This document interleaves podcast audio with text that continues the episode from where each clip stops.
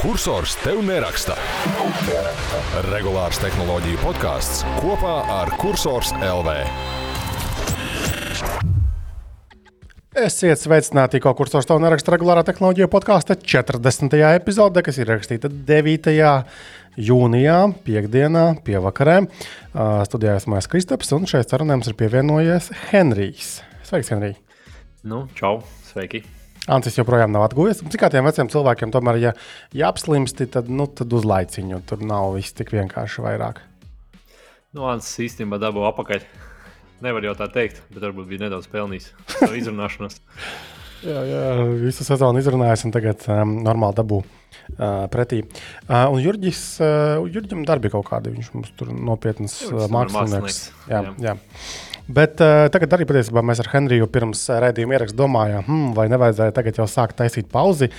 Bet uh, man kaut kā liekas, nu, kamēr mēs varam savākties vairāk nekā viens cilvēks, pat arī ja viens, es domāju, ka mēģinam nu, kā, vismaz jūniju vēl, vēl, vēl parambāt uz priekšu. Bet, jebkurā gadījumā 40 epizodes tas nav joka lieta, un tas, ka mēs esam spējuši ieturēt neatkarīgi no kādiem apstākļiem. Uh, Un bija visādi apstākļi šīs sezonas gaitā. Tomēr ik, tāda regularitāte, ka katru svētdienu mums ir gaisā, tā, tā epizode, tas man liekas, ir diezgan, diezgan forši. Tā kā beigie maleči esam mēs, un beigie maleči arī jūs, ka klausāties. Tiešām tas klausījumu skaits nu, nesamazinās nevienā brīdī, lēnītēm kāpj uz augšu. Un, kas ir interesanti vērot, ka jūs klausāties arī vecākas epizodes. Acīm redzot, nezinu, noklausās kaut kur padzird, oh, baigi interesanti, un ko jūs tur runājat tur, nezinu, iepriekšējās epizodēs.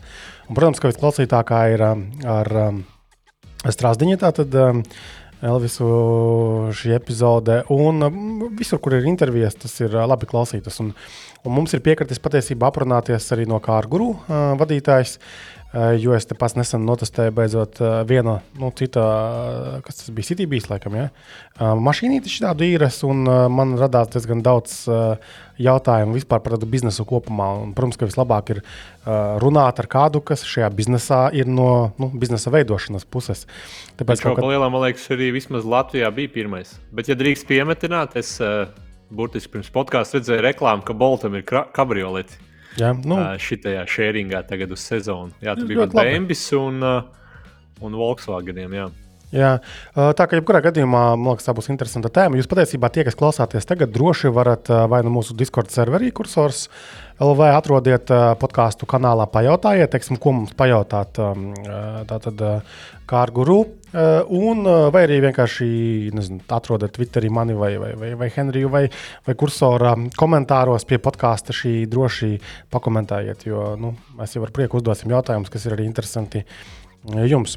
Tas ir par, par, par, par gaidāmajām lietām, bet tagad par lietām, kas ir šajā nedēļā notikušas. Nu, grozi kā gribi, bet no šīs nedēļas galvenais tehnoloģiju notikums ir Apple WWDC, jeb vispasaules izstrādātāju konference, kuru pirmdienā iesāka gara, divu stundu rastīti galvenā prezentācija, jeb kinots prezentācija, kurā Apple prezentēja gan ierīces, gan programmatūru, gan One More Thing.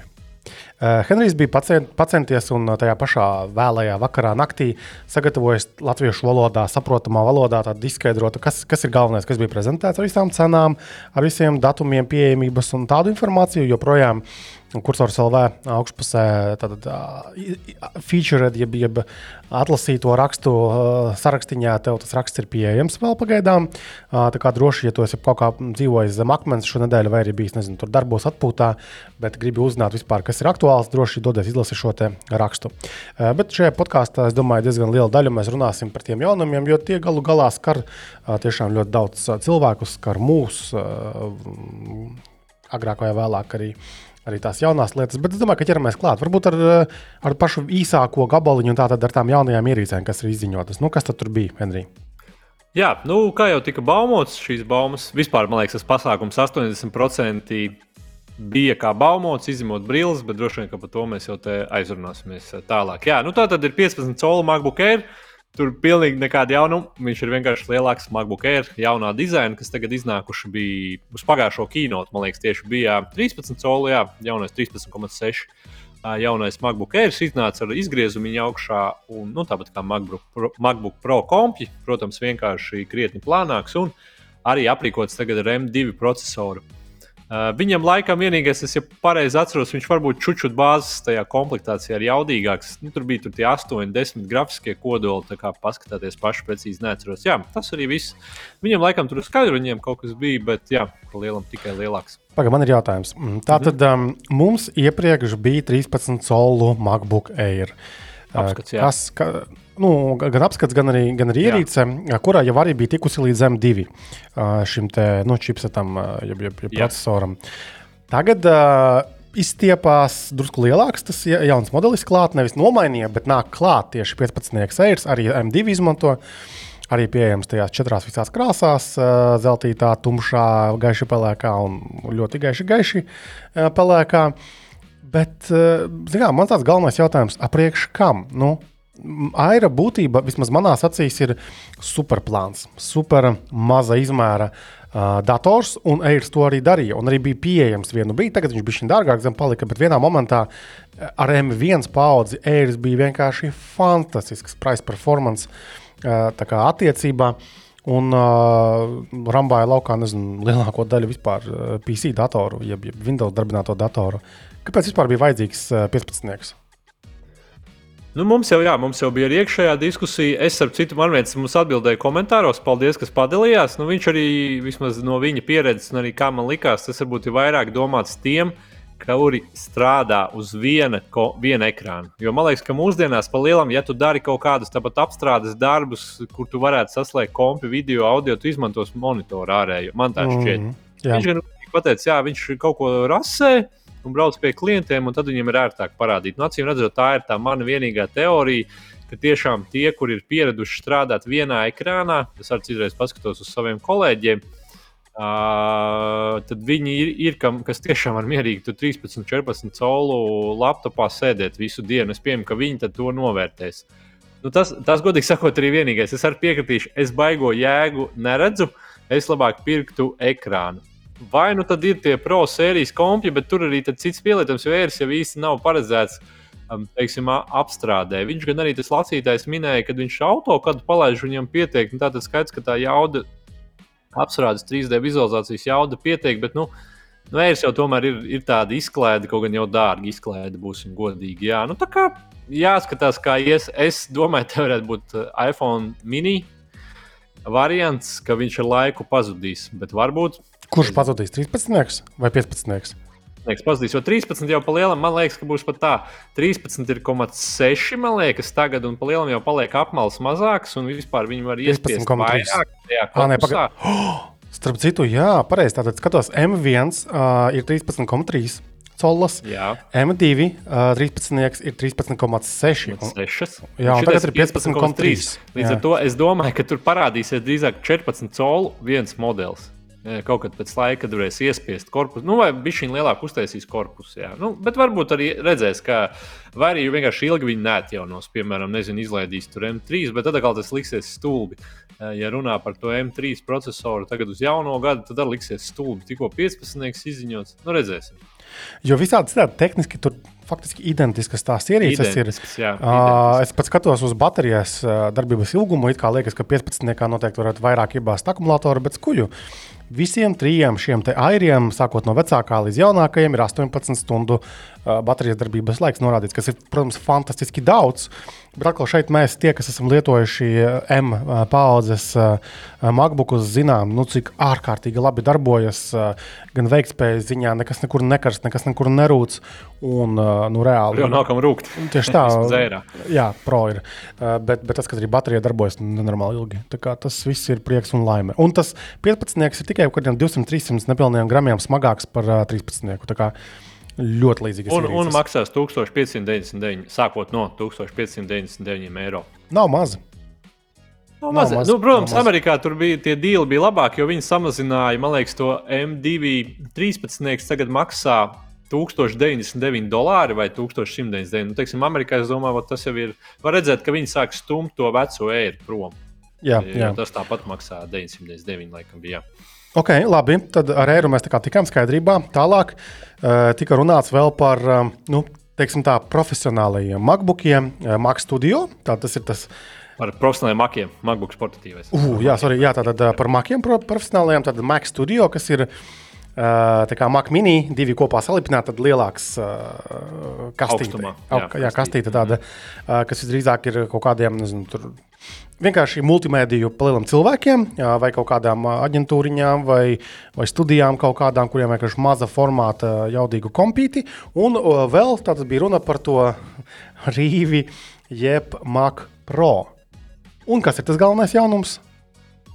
Uh, abiem diviem palielam viņiem ir saņēmuši M2 ultra procesoru, kas ir uh, Uh, nu, turpinot jau to ierasto Max Studio, bija M1 Max un M1 Ultra, un, un tagad tie M2 Max un M2 Pro ir pieejami MacBook Pro datoriem, un tagad viņi arī ir pieejami tajā Max Studio un ir izziņots jauns processors M2 Ultra. Uh, Palielam tas arī ir vienīgais jaunums. Super, afigēna, jaudīgi. Tur maksimums 192 gigabaiti vispār apvienotā atmiņa. Un Mac Pro gadījumā, man liekas, viņi palielam ir identiski. Izņemot tas, ka Mac Pro, ja es pareizi sapratu, viņam varēs pieslēgt visādas grafiskās kartes un um, video kartes. Viņš vairāk tāds modulārs, nu, kas Apple pasaulē vārds neeksistē, bet nedaudz tomēr eksistē tajā Mac Pro gadījumā. Un lielākais jaunums ir tas, ka viņš maksās 15,000 dolāru, tas uh, 15,000 eiro, nu, bija šī zem. Tas Mac Pro jaudīgākais, bet iepriekš viņš maksāja ar Intel procesoriem un vispārējo 50,000 dolārus. Ja, tik, tik, tik, tik daudz nu, eiro. Nu, plus tur 40,000 starpība tagad ir. Uh, plus mīnus. Bet tad... Un viņam ir tie afterburner, es pat nezinu, kas ir latviešu, bet man bija besis jau tajā. Papla, paplašinājuma kartes. Uh, bet, zināmā mērā, šeit man liekas, tas galvenais message ir, un tas, kas bija arī kino, tā norādīts, ka tagad Apple ir pabeiguši pārēju uz Apple Silicon. Tagad vairāk viņu lainapā nav modeļu, kas vēl ir ar tikai inteļiem. Jo pēdējais šāds modelis bija Mac Pro. Tas lielais rīve, jo Mac Studio jau bija ar Apple Silicon vispār tika izlaists kā kompis. Nu, tas ir jauns produkts. Jā, jā. Un, un, protams, ka tas Mac Pro nu, nav tur būtiski, cik viņš maksā, jo tas ir, tas ir reāli kompis darbam. Uh, kompis visdrīzāk tādiem darbiem, ko ne es, ne tu, ne, ne vairums no mums ne, nedara, nedarīs. Nu, varbūt Reinis strādās. Viņš par šo Bet komentē. es domāju, viņš man liekas, ir studio. Viņam bija studija. Es domāju, jā, jā? Okay. Tas, nu, man šķiet. Jā, un, un tur tā atšķirība ir tāda, ka tā tad, uh, vispār tas Mac Pro var būt kā towers uz galda vai uz grīdas liekams, un arī kā rack. Respektīvi, to nu, var kā, servers, tur, kā serveri var statnēs var, var, var krāmēt iekšā. Jā. Un uh, tas, ka jā, tur ir iespējams arī šīs paplašinājuma kartes, ja PCI kartes likt. Uh, interesanti, kā ir ar visādu driveru atbalstu, bet acīm redzot, ja tiek piedāvāts šāds kompis, tad tām, es nezinu, desmit profesionālajā jomā nepieciešamajām kartēm, gan jau ir sarakstīti driveri, lai viņi darbotos ar, ar, ar, ar Apple Silicon teiksim, šiem te čipiem. Un, protams, ka tajā kinotā viņi tur stāstīja, nu, ka tas teiksim, krietni, krietni, krietni, krietni septiņas vai vairāk reizes jaudīgāks par tiem Intel uh, paudzes Mac Pro. Tā kā viss ir tikai par ātrdarbību, jaudu, efektivitāti. Un, nu, tam būtu jānovērtē teiksim, tiem, kas tur renderē kaut kādus ārkārtīgos darbus un, un tā. Uh, jā, kompji. Tātad uh, par kompjiem tā kā viss tikām skaidrībā. Uh, tad nākamais, ko viņi ir stāstīja, bija par. Um, par programmatūru. Jo šis ir pasākums programmētājiem, izstrādātājiem. Uh, un šeit bija jaunumi tātad uh, reāli visām uh, lielajām platformām, kas viņiem bija. Kā, es domāju, ka neiesim cauri varbūt visiem tam, tiem sīkumiem, kas tur tika, jo tur tiešām viņi runāja nu, stundu vien par tādu feature, šī tāda feature. Uh, bet kaut kāda varbūt tāda kopējo sajūta. Zini, kāda man sajūta radās? Es pirmais atbildēšu savu jautājumu. Ka uh, nav tādu wow, nu, tā kā ot, no nulles pilnīgi inovatīvu, ārkārtīgu lietu, bet Apple nemitīgi gadu no gada pulē.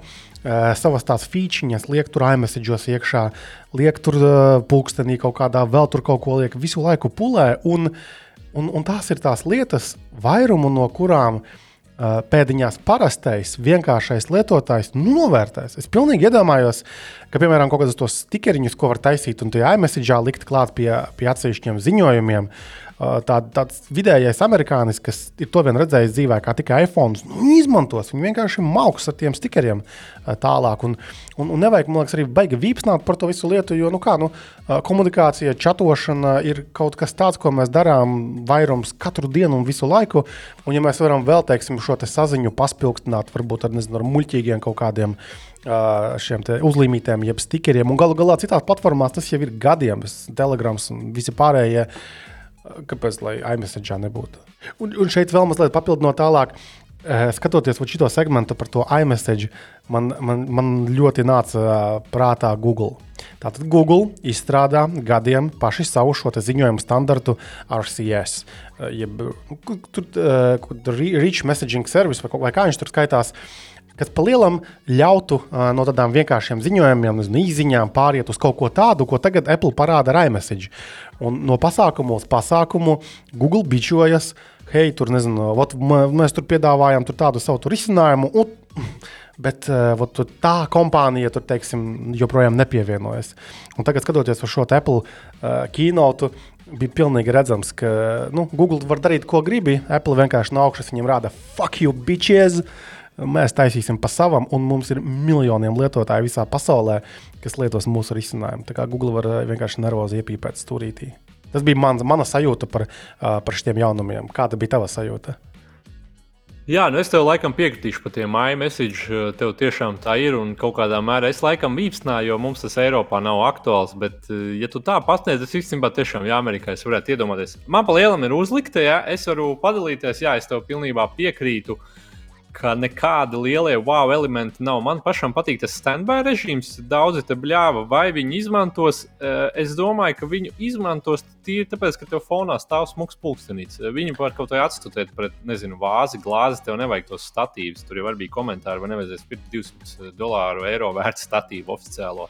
Nu, nē, nē, izskatās, ka tu iesprādi vienkārši lādētāju. Jā. Tagad vienkārši tā brīvi pateici, kā mēs visi būtu redzējuši šo kinotu, bet tiem, kas neredzēja, tātad standby uh, režīms Iedomājieties, ka mums ir iPhone, kuram ir bezvadu uzlāde.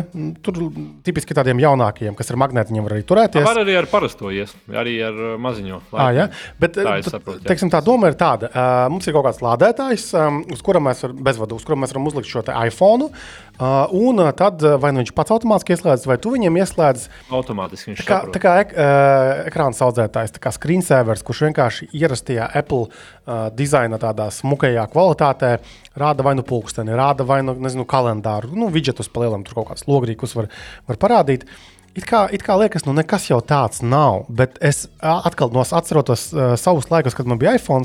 Pa dienu vai vakariem kaut kādiem, kad esmu pie kompja, man kaut kur tur fonā ir uh, blakus monitoram šis te lādētājs. Uh, Un es būtu priecīgs, ja vienkārši šeit uzlikt, nu, smuki man rādās, tur, piemēram, nezinu, tur kalendārs vai kaut kāda paziņojums tur parādās. Jā, vai, vai mūziku pārslēgt. Nu, tur bija arī tās vairāk bija tieši uzsvers uz to, ka viņš varētu kalpot arī tiem, kam home daudz ir, kam ir viedierīces, ka viņiem būs sadaļa, teiksim, pulkstenītes kreisajā ekrāna pusē, vienā pusītē, un otrā tad ir tās home features. Slēdzīši, jā.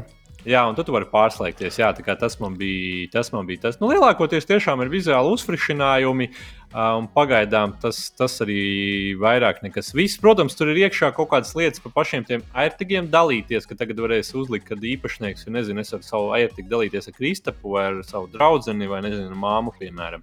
Um, tur iekšā tādas features ir. Bet, uh, Bet, bet jā, tas tiešām viss jau ir iekšā vizuāli. Jūs vispār visticamāk, neviens nepateiks šobrīd, ka man ir uzlikts, izņemot, varbūt kāds pamanīs, ah, kāpēc tas, tas gaidīšanas ir, nu, kad ir pie tā lādētāja tas tāds režīms. Uh, Zini, kas vēl ir?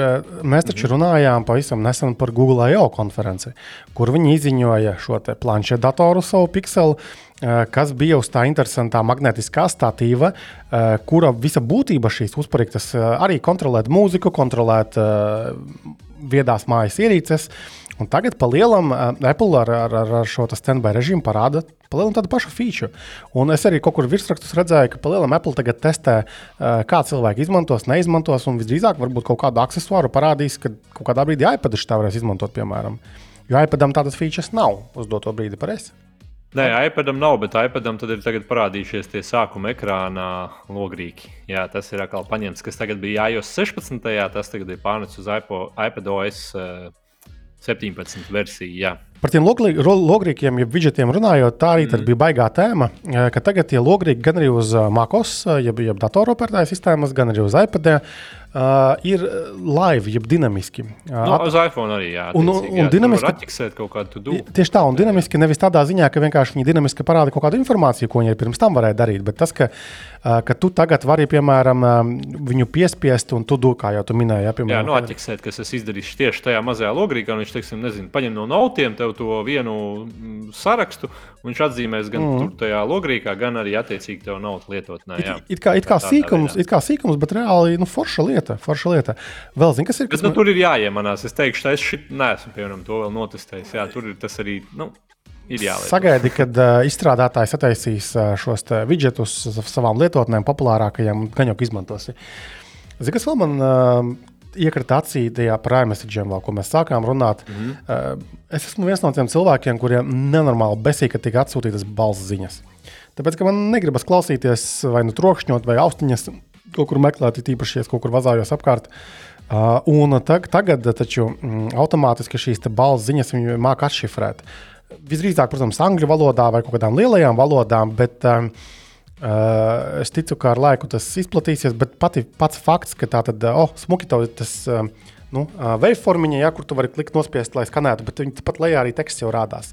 Pat ja varbūt tu visu neizlasīsi, tu fišku sapratīsi, varbūt par ko ir saruna.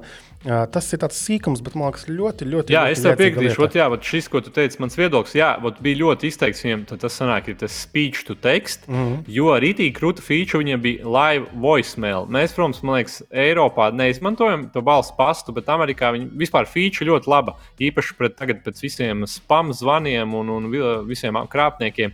E, viņi sāk ierakstīt balss zvanu, un viņš jau sāk rādīt telefonā, ko tas cilvēks saka tajā brīdī. Un tev ir iespēja pacelt pāris sekundžu laikā. Mm. Līdz ar to tu zini, vai tev zvana kaut kāds kreisais krāpnieks vai nu, kaut ko nezinu, ģimenes loceklis. Tur tiešām saka kaut ko kritisku, un tu nevari pacelt. Jā, un tas pats bija saistībā ar tiem iMessage'iem. Es šito savilku kopā ka viņi acīm redzot, sāk, ka, ka parādīsies droši vien ar vien vairāk kaut kāda šāda veida, kad iPhone spēj atšķirt dažādas valodas. Protams, līdz latviešu var aizmirst, mm. bet jā, angliski tas arī tā, tā bija tendence, redzam. Jā. Apple Maps uh, bezsaistes, jeb offline režīms parādījies. Kā viņš darbojas? Pastāsti, tu mēģināji.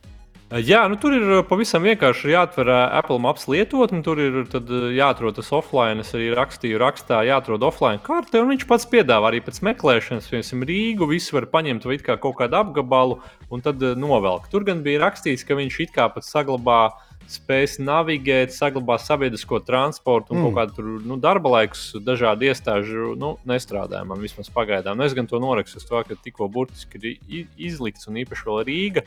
Bet, jā, tu ievadi pilsētu vai uzzīmē kartē to gabalu, tur ir iezīmēts, tu vari pievilkt, atvilkt, viņš arī plus mīnus.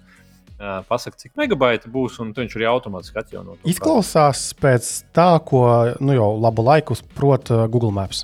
Tas ir mēģinājis Google Maps vai, vai nē, es šo feature. Es man ir uh, kartes, man liekas, kaut kad bijis, kaut kur braucis. Es tas, ko es izmantoju, piemēram, ir uh, translēt uh, pa valodām. Šeit, tas man glabājās. To, kartes, tā mazāk, jo es izmantoju uh, šo te. Uh, tā, tagad man izkrīt, nu, ko izmanto no kartēm. Viens cits servis, burtiski tagad uh, Maps.me. Mm -hmm. uh, tur var novilkt tās uh, lejupildīt kartes. Tās man ir jā. Ot, ot, tas bija mans nākamais jautājums. Vai var tajos Apple mapos vienkārši norādīt visu valsti, vai tomēr pa apgabaliem, kā Google mapos? Es tik sīki nepētīju, zinu, ka viņš Rīgu piedāvāja kā Rīgu. Līdz ar to tad, uh, lielam var jau, nu, varam, mēs te runāsim. Jau, jo, jā, jā, ja varētu, teiksim, viņu kā valsti novilkt, atkristu vajadzību izmantot kaut kādas tur, nezinu, papildus vai no nu Maps.me vai Guru Maps vai jebkādas citas kartes. Uh, Uh, priekš, priekš šitā te uh, sīkums, bet uh, patīkami. Zini, kas ir tur rakstīts ar uh, City? City, City, ja? kā tomēr būs tikai. Bet arī labi, jo, zināmā mērā, patiesībā tu jau arī taču, uh, ceļojot kaut kur, tu jau ceļo nevis vienkārši randomā kaut kur, bet uz kaut kādu pilsētu, piemēram. Ja? Un, ja tu vari novilkt, nezinu, tur Prāgu, piemēram, visu, ka, ja tu tur dodies, tad pilnībā pietiks tev navigēt, tikt līdz viesnīcai, uh, vakarā uz bāru, un tad nākamajā rītā tajā pašā viesnīcā vai mājoklī tu novilksi savā dienas nākamajam mērķim. Pilsētā, kur tu gribi nonākt. Nu, tā ir. Bet, nu, jāatzīst, ka es, es, man personīgi uzticību map, uh, Apple Maps ir vismazākā. A, kāpēc? Es domāju, ka viņš nav tik precīzs. Tas pats maps mīļš, viņš ļoti tiešām offline. Viņš to parāda, ja tev ir vairāki dzīvokļi, viņš parāda pa numuriem. Tad, teiksim, maps mīļš, tu vari kartē orientēties vairāk tīri no tā, ka, jo, man liekas, tas Apple maps, nu, protams, tu vari nomainīt to topogrāfisko izkārtojumu, nu, kā tev rādās. Bet viņš man liekas vairāk tāds, zini, ka tu, tādas, tādas digit, ka tu esi pieredzējis internetā, ka viņam ir, ir tā info reālā laikā, ka viņš kaut ko var pielāgoties. Bet Maps.me ir tiešām tā kā karte, kā karte, kas ir ļoti precīzi ar visām ēkām, ar visiem numuriem ie, ielikt iekšā. Līdz ar to tu vari viņā nu, arī orientēties, pat ja tev nav internets. Nu, saprotamā, kaut kā man liekas, drošāk un precīzāk. Tas ir piereduma jautājums, manuprāt. Vai arī tiešām piereduma jautājums, jā, jo, kā jau teicu, Apple Maps izmanto Amerikā, tas ir. Viņi reāli izmanto to, kas ir iPhone. Mums Eiropā tie paradumi ir citādāk. Tāpēc es domāju, mums arī tās diskusijas daudzas veidojās. Un tas uh, beefs, beefs saucamais starp Android un uh, Apple lietotājiem. Jā. Jo es arī, nu, man liekas, esmu jau stāstījis iepriekšējās kaut kādās epizodēs, ka uh, Tagad man bija iPhone vēl nesen, uh, pamatā mašīnā. Es izmantoju, nu, jo tur ir CarPlay. Uh, Uh, un uh, kaut, kā, kaut kā es biju iemanījies pāriet uz Apple Maps, un nebija nemaz tik slikti. Jā. Bet labi ar moci, kad tu brauc. Ar moci. Tad, kad es braucu ar mociju Eiropā, uh, attiecīgi, tur, kur ir normāls internets, es tālajiem gabaliem vienkārši tu pa Google Maps izmantoju kaut kā man tā iegājies, ka man ir Apple Maps arī ne. Bet Maps. tad, kad es nonāku kaut kādās specifiskās vietās, vai tagad, piemēram, plānojot to Albāniju, kas ir nu, ārpus sakariem, mobilajiem, es domāju, viesabonēšanas normāliem. Eh, tad es izmantošu Guru maps, tāpēc ka tur var smuki ērti pa valstīm, lai jau pielādētu. Tas ir pats tās, tu maps izmantoju, es izmantoju Guru maps, jo tas ir man pierastāks. Uh, Bet Eiropā, jā, kaut kā Google Maps vienkārši. Jo tagad, tagad kamēr man ir Android, Pixeles mašīnā, es izmantoju Google Maps visu laiku. Nē, nu man ir variants. Pamēģināt tagad, jā, man ir, man ir tā beta versija, var jau pamainīt paradumus. Uh, ok, labi, tālāk uh, iPadiem var pieslēgt tagad webkameras. Ārējās. Jā, tieši tā, iPadiem beidzot. Es nezināju, ka tā nav, bet tā arī varētu būt. Nebija, nebija man arī vajadzība. Jā, tagad varēs pieslēgt ārējās kameras, visādas krūtās. Varēšu arī spoguļu kameras pieslēgt, kam ir webkameras režīms vienkārši caur USB-C. Un tad viņi izmantot FaceTime pagaidām, un tad, tad pēc tam arī, protams, Zoomā un Microsoft Teamā. Apple, ja pareizi sapratu, ir kaut kādu API ieslēdzis, ka var pieslēgties tiem kameras iestatījumiem. Tur vēl bija par strīmošanu, arī tā kā līdz, ka it kā pat var sev strīmot caur iPad, bet es īsti to konceptu strīmot caur iPad vai, vai iPads tā kā, tā kā tāds, nu, vai tu varbūt strīmot caur citu kompu un tad caur iPad pieslēdzies, nu, tur kaut kā šī nesapratu, bet tur bija arī piemērs caur strīmošanas spēļu. Bet, nu, tas noteikti nebūs iPad primāri, primāri būs video zvani labi. Kvalitatīvu, ka var saslēgt kameru, jā, ārējo. Sīkums, bet uh, patīkami, jā, un Apple pasaulē liels jaunums. -hmm. Jā. Ok. Uh, jā. Apple Watch. Varbūt viņš jau iPad var ah, tieši jā. tas, ko, jā, tas, ko teica, tad ir tā health lietotne. Tiešām tagad atsevišķi viņi tur lielāka, pa lielām tas pats, kas iPhone. Viņi vienkārši lielāki. Es apskatījos, tie, nu, kam, kam patīk, varbūt lielāki ekrāni. Tad tur varēs to info redzēt. Un, uh, Tā, jā, tur laikam iPad. Un iPadam jā, var uzlikt sākuma ekrānā, nu, tie slēga ekrānā, kad ir noslēgts uh, iPad, tad tur var arī salikt uh, logrīgus, jeb angļuiski widgets. Viņiem forši ir tādā ziņā, viņiem ir vairāk izmēru nekā iPhone. Tur bija šī plašāk, ir, un viņi vairāk arī turpat kaut kādas 5, 6 izvēles ir. Labi, godīgi sakot, nesalīdzināju par iPhone, bet viņi noteikti ir salikuši nu, diezgan Tu pat vari, viņi pat mainās pa ekrāniem, tad, kad tu turi kā lapas pusi, un tad, kad tu sagriez horizontāli vai vertikāli. Jā. Un tad tur attiecīgi viņi mainīsies. Jā. Tagad tā īstenībā ir viena lielākā. Ah, un vēl var, tā kā iPhone, viņiem var salikt tos uh, dažādus sākuma ekrānus. Nezinu, tur viena bildīte tāda, kaut kāds izkārtojums, tad atkal cits, un tu tos dizainus pamainīt. Jā, kā tie, kas lieto iPhone, iOS 16, zina, pa ko ir runa. Uh mhm. -huh. Jā, tas pa lielam arī Tas, man liekas, viss tāds iPads vismazākais šoreiz bija. Jā, ja šaujam uz priekšu, tad, eh, tad Vačovis. Viņiem tiešām ir vizuāli vislielākās izmaiņas. Es gan atkal esmu, es nezinu, ko es vēl vairāk sagaidu. Es jau pieņēmu, ka problēma man ir. Es visu laiku kaut ko gaidu, ka viņi, es baigi sahaifojos uh, pirms šitiem izziņošanām, un tagad izziņo, tad īsti es to efektu nesajūtu. Jā, bet nu, tagad ir tā, ka ir nomainījies viss nosacīti interfejs, kā pārvalda Apple Watch. Tātad tie, kas zina, kas ikdienā lieto, kādreiz varēja mainīties starp tiem uh, pulksteņa izkārtojumiem. Tagad vairs to nevar. Tev ir viens, tev pirkstu jātur, jāuzspiež, un viņš būs tā kā vat, iPhone jāpatur, tad parādīsies, un tad tu tikai vari pārslēgties. Līdz ar to tagad būs tas princips, ir, jā, kad ir, ir uztaisīti arī tie logrīki, ka tu ar to kronīti ritini uz augšu, tad viņš tur sāk rādīt kaut kādas pats sapratīs, kas tev aktuāli. Protams, kalendārs, temperatūra, cik ir tie aktivitāte, cik kalorijas nomests un pat tādiem maziem, maziem taisniem stūrīšiem ies virsū vai kaut kādas nu, vēl aktuālās lietas. Un tad uh, vairs īsti nav arī doma, kad nospiež lielo sānu pogu, kas kādreiz atvēra pēdējo lietotni vai to sarakstu, tad ar vienu klikšķi viņi atvērs to kontrolu centru, kas ir pārvaldības centrs, kur tur var ieslēgt gaismiņu, mm. skaļumu, klusumu. Uh, un, un Apple, viņš ir palicis bišķiņā apaļāks, tas pačojas. Viņš tāds bija arī vizuāli piestrādātāks. Ot es veco es teikšu vairāk nekā tu teici, pājus. Es ir jūtamāks, vizuāli piestrādāts. Un viņi tā kā vairāk to informāciju mēģina nu, attēlot katrā ekrānā vairāk kā informāciju. Mm -hmm. Tas ir tā. Nu jā, tas, tas ir atkal vačo. Esam it kā tiešām pamainīts, bet jāatzīst, es kaut kā. Es nesaku, ka šitais tomēr labāk. Man pat varbūt iepriekš kaut kāds ar tiem ekrāniem pārslēgties, es jau biju pieredzējis. Redzēs. Es tagad, bet uh, vēl, ir, vēl ir jāpatestē, jāsaprot, jāpasporto bišķiņi it kā vairāk info. Nu, tur bija daudz riteņbraucējiem, visādas sensors varēs pieslēgt. Jep, es, arī, es arī pamanīju, ka riteņbraucējiem tā tad. Ārējos sensors, tie, kas pedāļu jaudu mēru un tā. Un ir jauna ekrāna izkārtojums, kas ir snūpīs. Ļoti nu, interaktīvs. Viņš ir tas sunīts ar kaut kādu put, putniņu, multiņu tēlu, jā, un tad viņš tur tāds smieklīgs. Man tagad tādu uzlikt. mm ok, labi. Uh, Makos. Makos, jā, pa mako es kā jau teicu, palielam tas ir lielākais, ka viņam tie logrīgas iespējams, logrīgas iespējams uzlikt uz ekrāna, nevis tikai tajā sāniņā, kas rādās. Bet arī tagad varēs uzlikt ekrānā. Šogad es neesmu uzlicis, jo uz ar Mako es vienmēr ir lielākās problēmas, un tam es neusticos. visu, vai vismazāk uzticos. Un, tas, man liekas, tur arī bija, bija lielos vilcienos. Ah, jā, Mako, es runāju atkal par spēlēm, jau otro gadu sāku runāt par video spēlēm. Nu, izskatās, ka laikam pēc pāris gadiem tiešām š, es arī rakstīju, rakstā sakustēsies tā nozare. Jo šobrīd arī pēc tam bija, nu, kā parasti ir, ir tās kīnots pirmdienā, un pēc tam ļoti daudz sīkumu nāk pēc tam. Tāpēc es arī pēc tam šodien visu nedēļu, arī mēs varam runāt, tur vēl nākamnedēļ droši vien būs.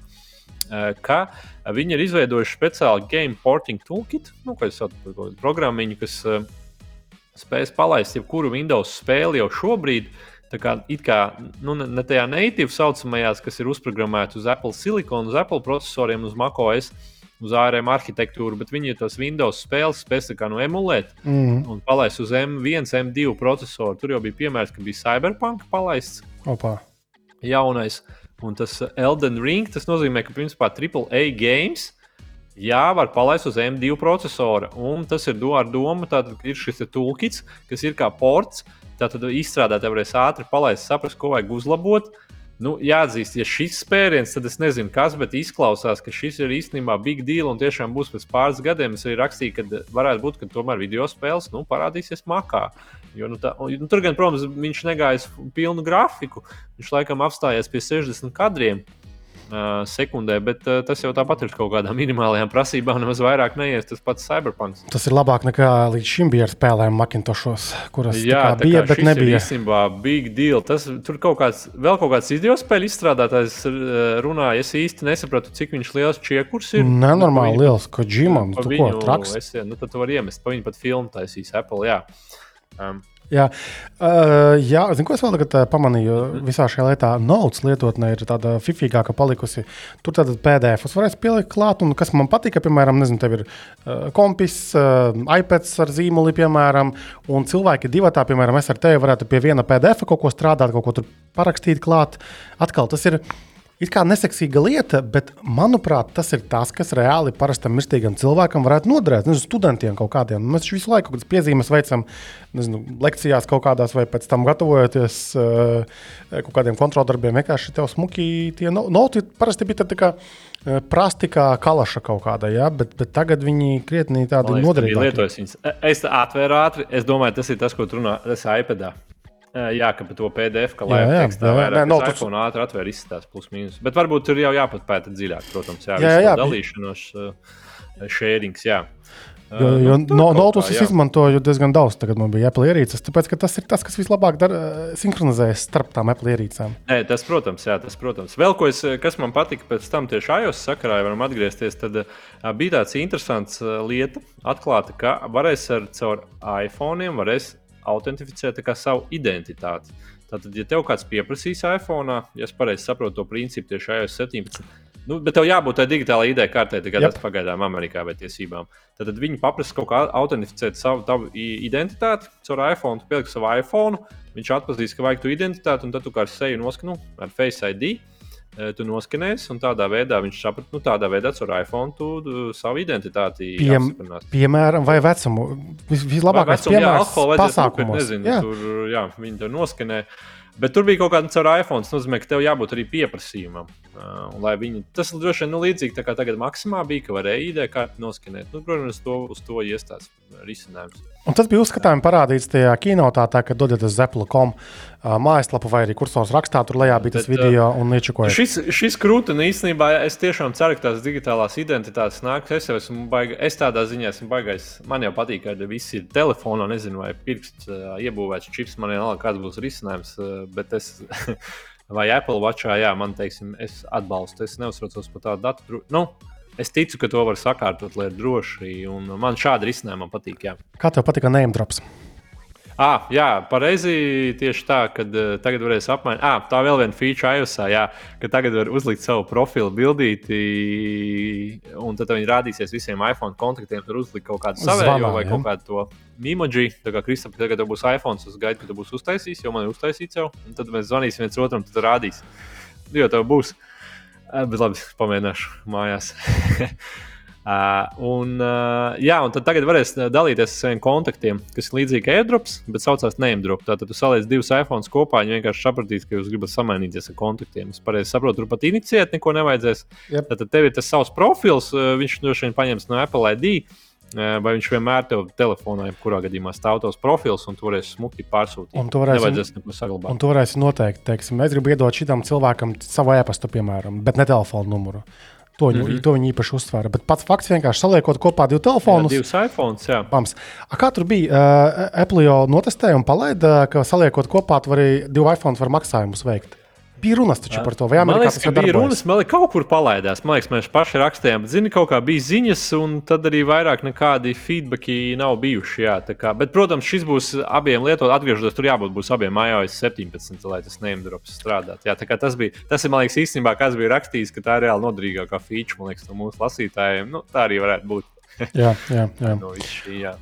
Tas okay. aizstās LinkedIn, vai man liekas, bija daudz risinājumu, kas vienmēr bija tur... tīklošanās, kad, ai, kā mēs ar kontaktiem apmainīt. Nu, labi, iPhone starpā tas, protams, strādās, bet uh, diezgan, jā, mm. labi, ka to pieminēja. Un vēl, un vēl, un vēl ļoti daudz tādu sīkumiņu. Tā tad vēl, zini, kas ir man jautājums? Uh, Tātad, pirmkārt, viss ir izziņots. Tagad ir beta periods. Publiskās betas būs kaut kad laikam jūlijā, augustā. Jā, viņi teica, jūlijā. Jā, un, tagad ir tās developers, jau izstrādātājas beta versijas. Tādas nestabilākas, glukainākas, bet nu, atkarīgs no produkta. Traki, pa lielam vienīgais gluks ir, man ir uzliktas visas. Uh, vienīgais gluks ir, viņš cirēs tā kā klaviatūru nepalaiž, vai tā klaviatūra uzlec virs. Nu, neaiziet tev teksts augšā, piemēram, WhatsAppā, bet viņš aiziet tā kā bišķiņ pāri. Tāpēc, ka WhatsApp tas ir mazliet nav gatavs vēl šitam. Un rudenī būs viss gaisā līdz ar jauno iPhone ražu palielinājumu. Bet uh, bija taču tas stāsts, ka būs grūtāk tikt pie šiem developer betām. Pastāstīja, kā reāli praksē tas notiek. Kā tu tiec līdz betām? Jā, es, es arī, mēs paši rakstījām, un bija rakstīts, nu, kā iPhone maina vispār tos piegājienus, kā tu tiksi. Jo iepriekš bija tā, ka varēja novilkt tādas betaprofile.org, man liekas, tā mājaslapā droši vien viss biznesa beidzies. Uh, tu vienkārši novilki kaut kādu speciālu profilu, un viņš autentificēja tavu telefonu, ka tu vari piekļūt tai betai, un pats saprati, ka var novilkt. Bet ar, ar, ar iOS 16.4 atjauninājumu, man liekas, viņi parādīja pie uzstādījumiem atsevišķu opciju. Tad tev ir nu, tavs aktuālais kaut kāds oficiālais software, un tad ir developer opcijas. Un, jā, un tad tu vari uzslēgties uz viņiem. Bija runāts, ka būs nepieciešams izstrādātāja konts, kas maksā 100 dolāru mēnesī. Uh, un tāpēc es arī domāju, ah, es baigi, baigi neskatīšos, uh, nemaz arī nelikšu šogad. Pagaidīšu, ka būs publika bets. Bet es tagad skatos, no intereses pēc ieejas, jo man arī mums viens lasītājs jau bija uzlicis. Es domāju, bāc, kāpēc viņam ir, jo viņš man teica, ka viņš nemaksā. Un es domāju, es apskatīšos, jo kāpēc. Jā, un tiešām man arī būs, man liekas, mums raksts rītdien, vai kad tu palaidīsi brīvdienās, es uzrakstīju. Jā, nu kā Apple, Apple acīm redzot, vai nu tas ir mārketinga triks, vai nē, bet ja tiešām jebkuram, kurim ir jaunākais iOS, jūs varat aiziet tajos uzstādījumos, atrast savu beta, beta versijas, un tur būs uh, developers. Tas būs visos produktos, WatchOS, MacOS, iPadOS, iPhone, visur, kur jums ir. Būs šis beta profils, un tur jūs varat izvēlēties iOS 17, developer beta. Un viss, viņš jums ieinstalēsies. Tur vispār bez liekām ceremonijām tas bija nezinu, 15, 20 minūšu jautājums. A kā tu varētu pakaļ atlikt, piemēram, uz stable?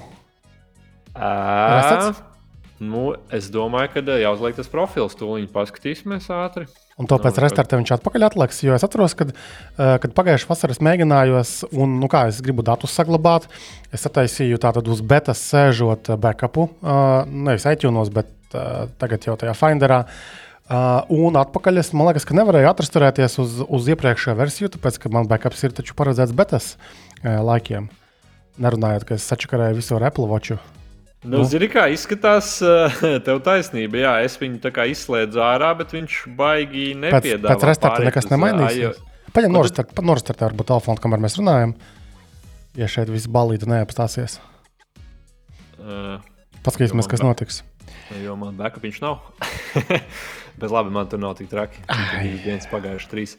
Uh, un, uh, jā, viņš tagad nepiedāvāja to un ieslēgsim iekšā. Jā, tas ir kā, ja tiešām visiem gribās, uh, tad uh, droši varat likt. Protams, viņi saka, ka nevajag likt galvenā ierīcē, bet es, kā es teicu, es nelieku makojas, es nelieku, bet visā pārējā strādā ļoti, ļoti labi. Nu, pagājušās vasaras atceros, ka makojas sākumā bija lēnīgs un glukains. Bija kaut kas tur nelīdz galam riktīgi. Ar iPhone pēdējos gados nav problēmu. Pat ar pirmajām developeru betām. Nu, mēdz būt pa gļukam, tur Smart ID bija lēnīgāks, bet darbojās. Un, un, jā, un ar Apple Watch tikai man tās problēmas bija, jā, ka tu nevari atrasturēties atpakaļ normāli nekur starp citu. Nu, izskatās, ka te būs tas pats tā. Nu, es tagad palaidu, ka man ieslēdzās. Uh... Nu, ko viņš saka? Vai tas pats? Vai tas tev ir? Tūlīt. Tas nav tik ātri. Ja? Nav, nav, nav īstenībā ieslēgšanās. Jā, jā iOS 17. Tas nozīmē, man ir uzlikts, bet es varu izslēgt, lai viņš man tā kā nākamos updates nepašot cauri. Tā kā downgrades. Sarunājam, tā, es apskatīšos uz uh, nākamo podkāstu par downgrade iespējām. Jā, bet tā īsti tev. tev... Nu, resets gan jau, ka būtu. Nu, kaut kāds resets, jo pirms tam bija, varēja pārslēgties, bija gan palikt pie iOS 16, un iOS 7 tur bija vairāk, tur bija trīs opcijas. Tagad es, piemēram, neredzu, nu, ķipā, ejam apakaļ uz iOS 16. Jā. Mm. Bet, nu, gan jau ka kaut kādu failu droši vien jau, ka var viņi to domājuši. Tā. Jā, varbūt, ja mēs vēl es arī pārskatīju, ko es pats rakstīju, jā, tad bija AirPodiem, pro, bija arī par AirPods vesela sekcija, nu, bet īsi. Kā pēdējiem AirPods Pro otrās paudzes būs jauns adaptīvs režīms, kas spēs izsacināt, kurā brīdī tev kāda skaņa jālaiž cauri. Ja tev brauc ātrie, protams, palaiž. Ja tev ir. Ja tev muzikanti ja tev garām iet. Mūzika garām iet, jā. Un, un tā, tā kā mana kompānija Suņuks tavs, ja? jā, un, un, un, un, un, jā, kad viņi iet cauri, piemēram, tur bija smieklīgi, kad iet orķestris garām, tad tev noteikti būs uz ielas orķestris garām. Nu, viņi ļoti spēs, ļoti spēs pateikt, vai, piemēram, tev zvana telefons, tad tev pārslēdzas un nobloķē to. Rīgas gadījumā Krišnaiti. Ār, ārējos trokšņus. Dziedādami varētu. Nu, bet viņi skaisti dzied.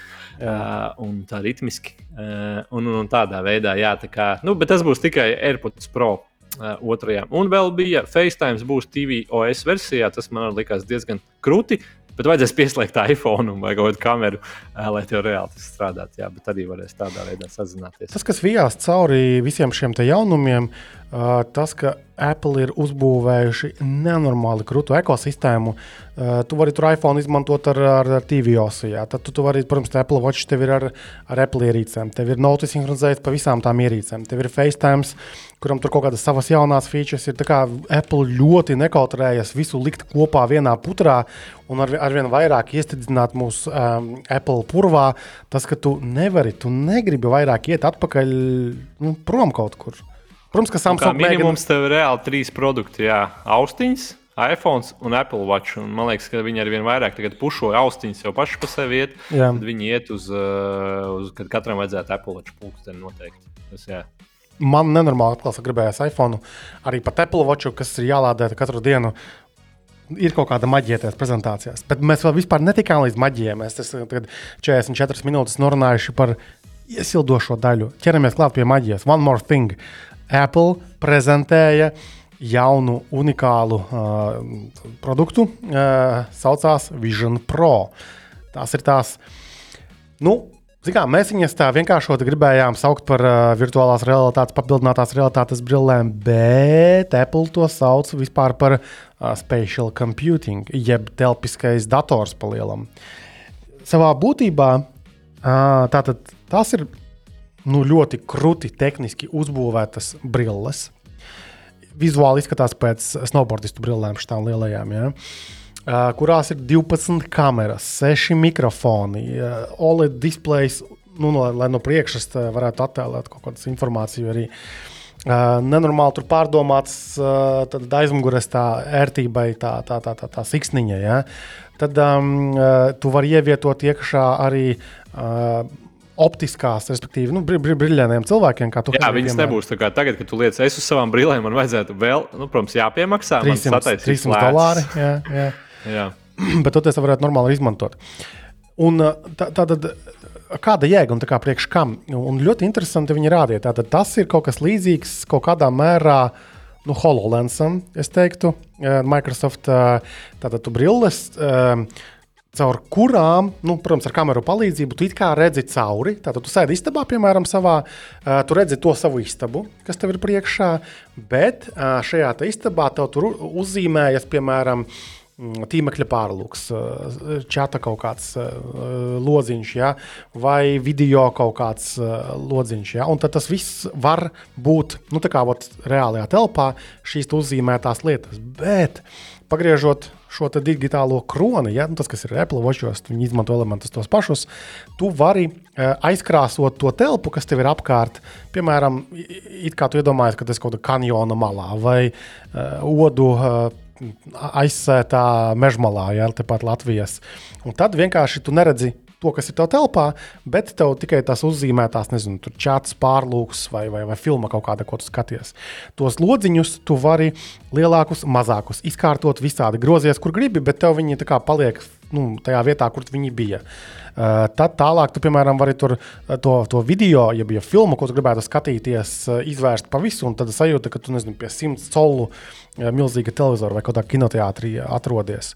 Pašās austiņās ir iebūvētas, austiņās, brillēs ir iebūvētas arī nu, skaļrunīši, kas var radīt telpiskuma sajūtu. Bet tur bija pāris demo, redzams, ka arī AirPodus var savienot kopā. Lidmašīnās, piemēram, lai netrokšņot ar citiem kaut kādiem, tu vari arī audio dabūt.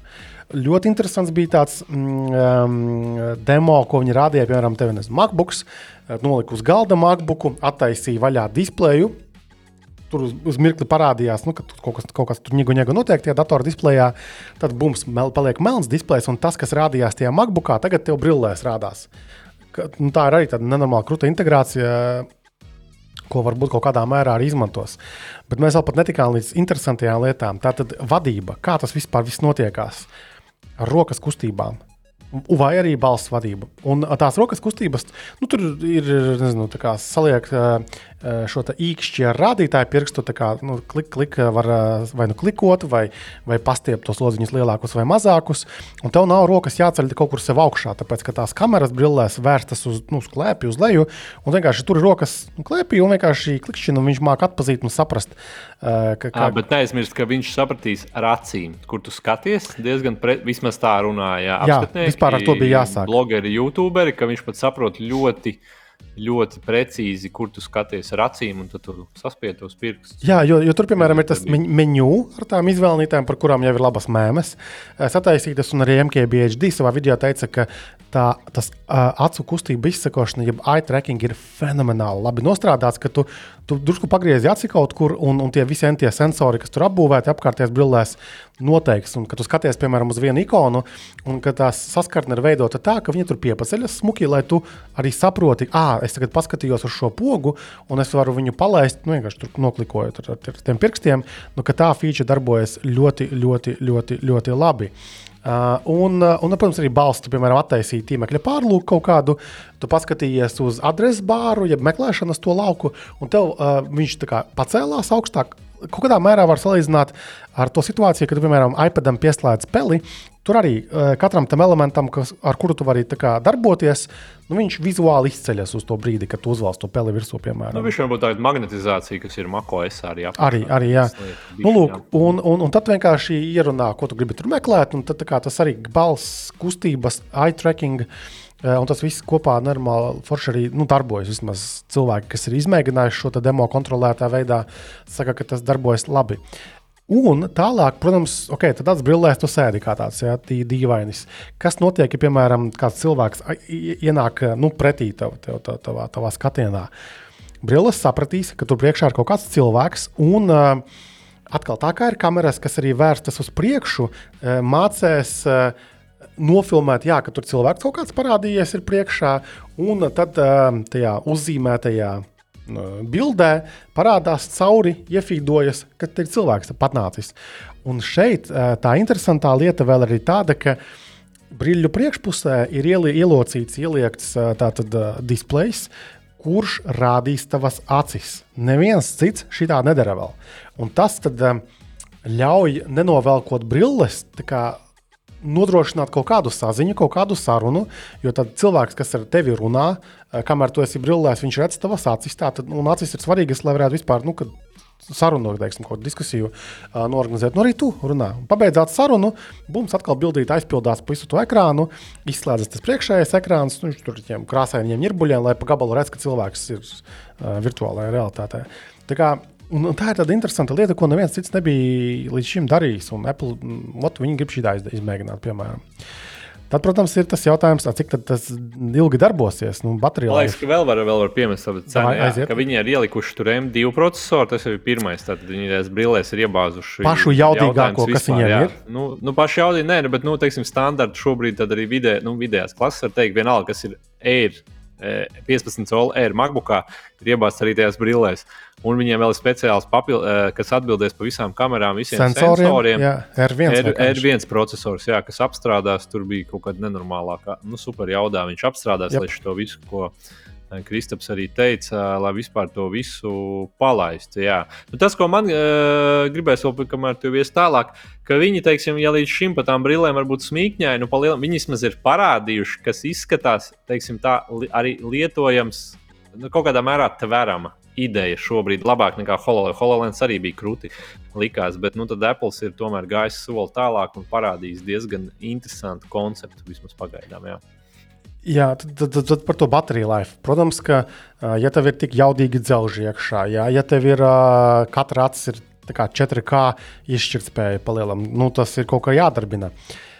Pašās brillēs viņi nav iebūvējuši baču, vai ir? Ne, nav iebūvējuši. Nē, ne, brīvlēs jau nav vispār. Nē, tikai lādētājs klāts. Nu, lūk, jā, tā tad viņi ir sataisījuši tā, ka tev tādā brīļu kreisajā malā, ja nemaldos, ir tāds viņu proprietārī magnētiskais konektors. Uh, kā, ma, ma, kā Apple Watcham. Vai MagSafe viņš kaut kāds, jā, tā, tā ripiņa tāda. Un tā ved tad uz, uz powerbanku palielam. Kaut kāda tur high density viņu pašu taisīta powerbanka, kas tad ļauj nodrošināt darbību līdz divām stundām. Ļoti maz. Bet, bet, bet jā, tas ir viens, bet viņa vispār ir domāta pieslēgt pie elektrības.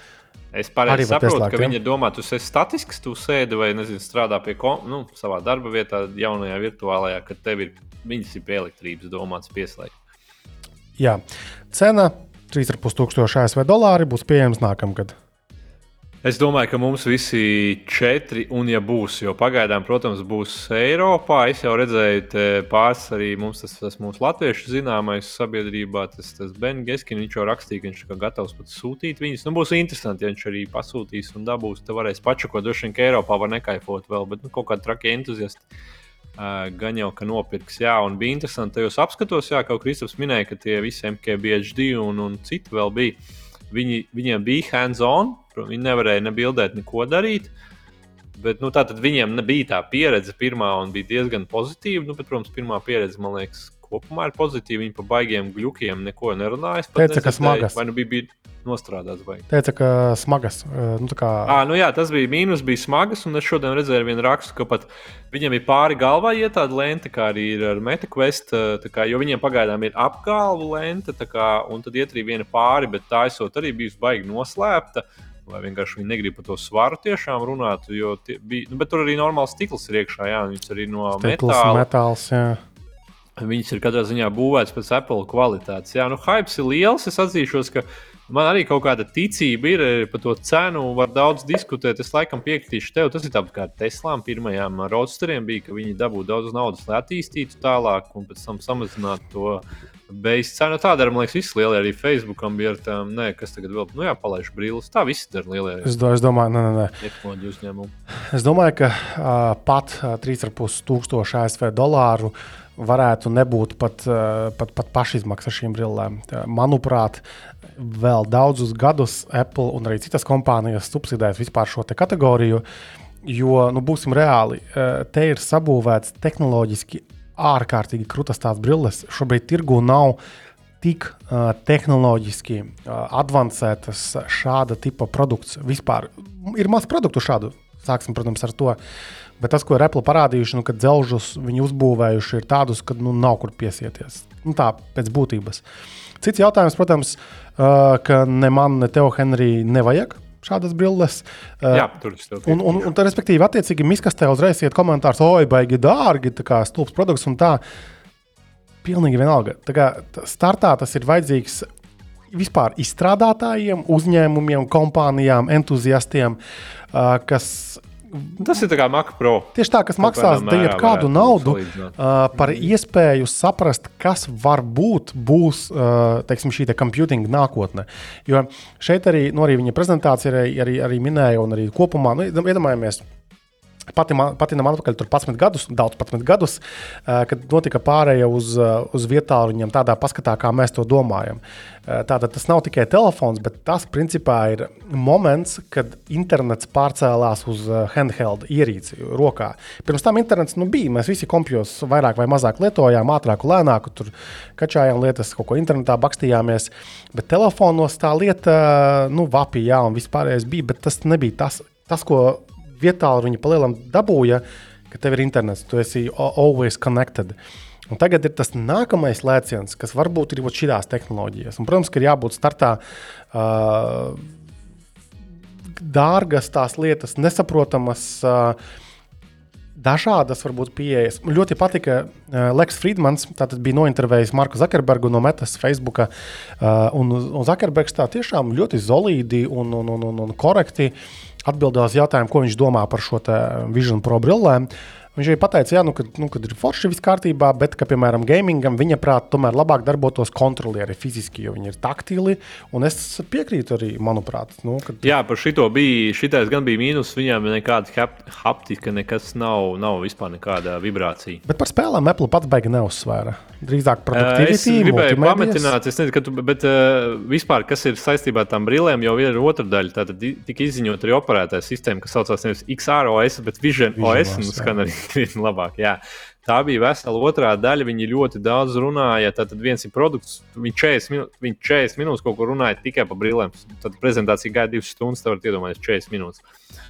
Jo viņiem jau ir sadarbības, protams, viņiem ir speciāls uzbūvēts kits arī, kā bija spēlēm uz maka, tad, lai viņas varētu pārnest jau esošās lietotnes uz to paplašināto realitāti.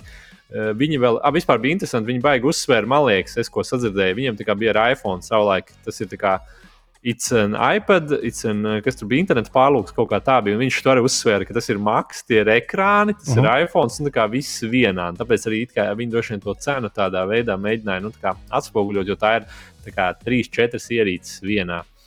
Uh, un viņi arī uzsver, ka viņi it kā esot šī ir pirmā uzbūvētā vispār uh, operētāja sistēma, kas ir tieši uz spatial, jo mēs jau parasti domājam, div, nu, divās dimensijās nosacīt, ka tu skaties uz to ekrānu, tad viņi ir pirmā uzbūvēta uz to spatial, uz to nu, telpiskumu. Jā. Telpiskumu, jā. Un tā tad, jā, nu, viņi prezentēja to operētāju sistēmu. Šobrīd, protams, ir Apple lietotas, bet nu, ko viņi izcēla, bija sadarbība ar Walt Disney. Tur bija Piemēram. pat uh, Bobs Aigars uh, atteicināts. Viņam gan ir daudz darba tagad, lai savestu kārtībā iepriekšējā Boba sastrādāto sūdzību tieši biznesa ziņā, bet nu, vēl tie laiku, lai atnāktu. Nu, šito, šito varbūt ir šis viņa, bet labi, šī sadarbība, es domāju, viņiem bija pirms pieciem. Vispār interesanti, cik ilgi viņas izstrādāja, bet gan jau pats parādīsies info.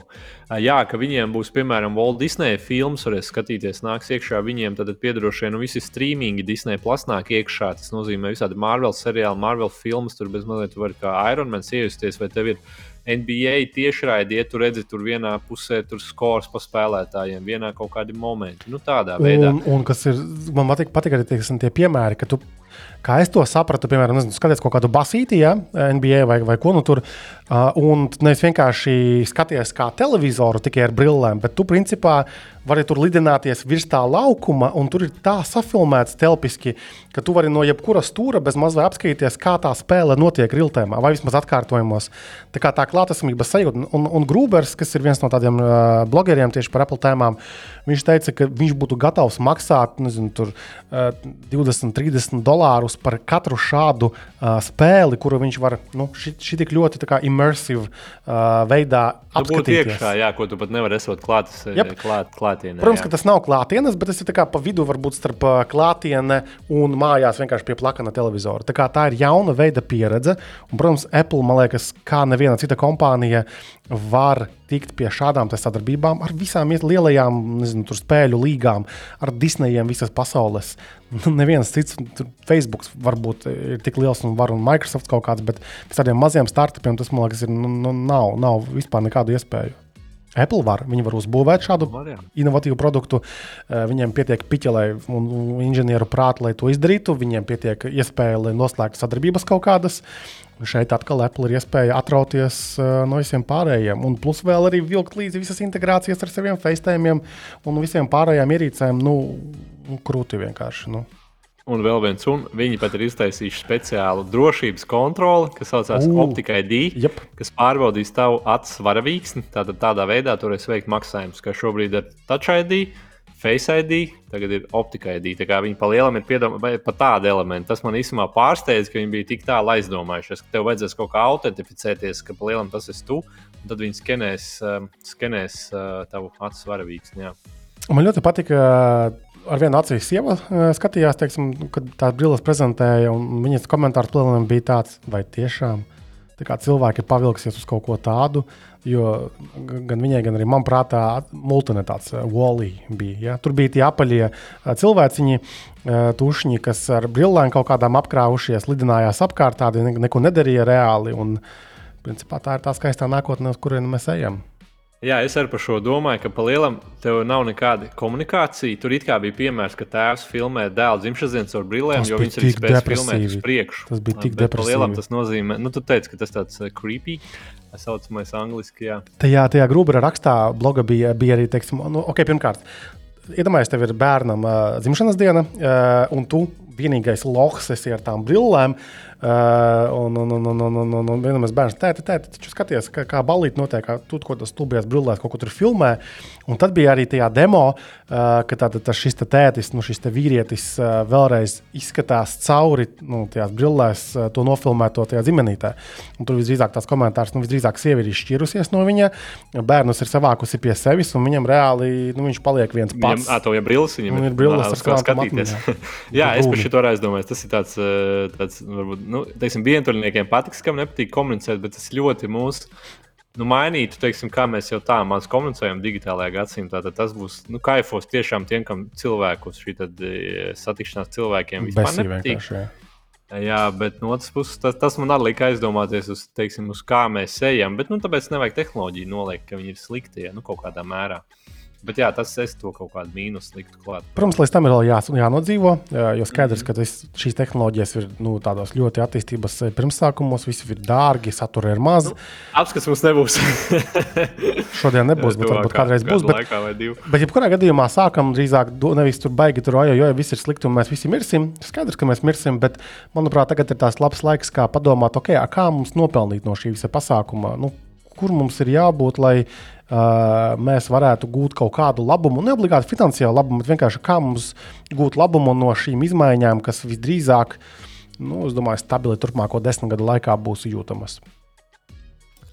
Nu jā, bet vēl kaut kur piemērs, kad Apple akciju cena piemēram, baigi nepacēlās. Tāpēc arī bija kaut kur diskusija, ka nav ticības šim. Bet, nu, tas, tas, es domāju, ka tas vienkārši ir ierēķināts jau tagadējās cenās. Nots, jā.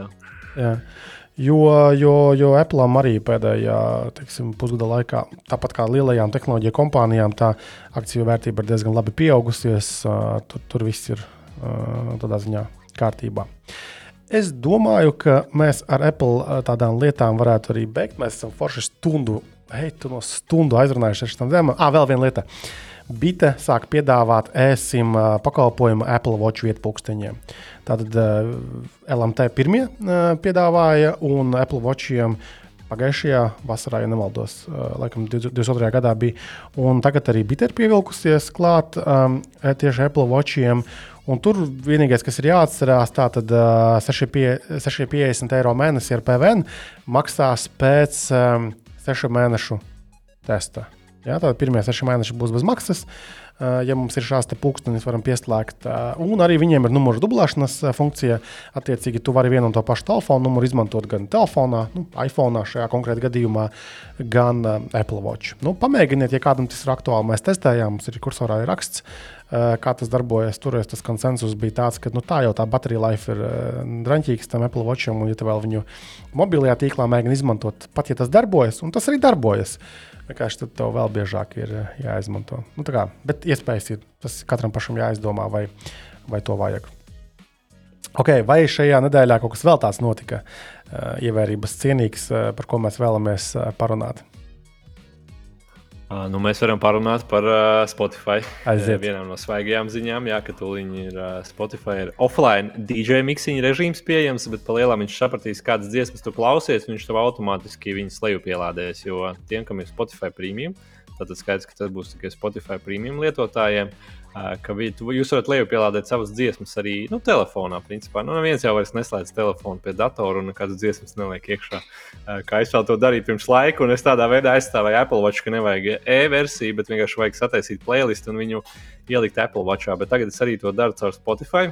Diemžēl es esmu neapmierināts jau glupo. Man divas reizes ir bijušas vilšanās, izjāja ārā un neskan. Es nesaprotu, kāpēc, jo viņas tur nav. Viņas it kā ir, bet viņas tomēr nu, nav bez iPhone. Eh, klāt. Jā, bet nu, tagad varēs iPhone, nu, tagad Spotify pats sapratīs, ka tev ir tas aktuālās dziesmas, ko tu klausies, un viņš kaut kur backgroundā automātiski saglabās, lai tu, ja tu ej, nezinu, kaut kur, kur nav interneta savienojums, vai, vai tu izslēdz viņu, ka tu tāpat eh, tiks pie tām dziesmām klāt, ka viņas tev būs reāli telefonā. Tādā veidā, jā, tas ir. Tas, tas, Tas, tas ir viens no, no svaigiem jaunumiem. Jā. Tas varētu būt baigi noderīgi tagad, vasaras sezonā, kad visi kaut kur nezinu, klīst pie dabas, kur varbūt ar internetu tā sūdīgāk, drāmīgāk.